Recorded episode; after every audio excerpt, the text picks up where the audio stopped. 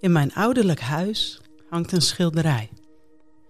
Het hangt er al zolang als ik leef. Het is best wel een groot schilderij. Het hangt in de woonkamer boven de tweezitsbank. Het is ook best wel een opvallend schilderij, door wat erop staat. En toch, soms raak je zo gewend aan wat er altijd is, dat je het niet meer opmerkt. Als ik even bij mijn moeder langs ga, plof ik eigenlijk altijd op de bank onder het schilderij. Mijn blik is dan gericht op mijn moeder. Ze zit tegenover mij op een driezitsbank, op haar vertrouwde plekje.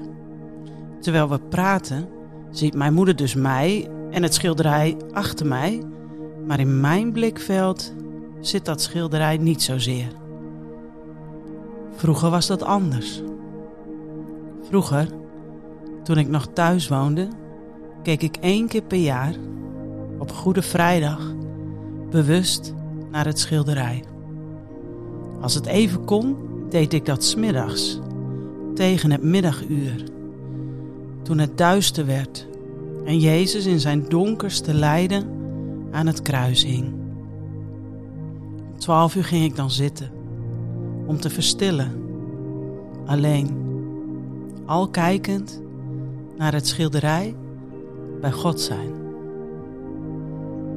Ik zie Jezus aan het kruis. Hij hangt daar met lange ijzeren spijkers door zijn polsen en zijn voeten. Er stroomt wat bloed bij langs. Zijn hoofd hangt een beetje voorover gezakt. Het lijkt erop dat Jezus zelf de geest al heeft gegeven. De lucht om Jezus heen is donker in allerlei tinten. Deze duisternis en een soort lichtflits die ik zie, getuigen van de bovennatuurlijke strijd die er gevoerd wordt. De andere twee kruisen zijn wat meer op de achtergrond. Jezus aan het kruis. Hij is het middelpunt. En dan zijn daar de reacties van mensen om Jezus heen.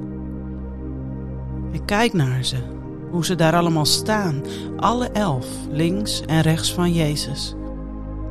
Ik zie kinderen, vrouwen, mannen, verschillende leeftijden, verschillende huidskleuren, verschillende sociale status. Ik zie ze verdrietig zijn, angstig, verslagen. Maar ik zie ook iets van spot en onverschilligheid. Vaak dacht ik dan bij mezelf, sommige gezichten zijn eigenlijk niet eens zo mooi geschilderd.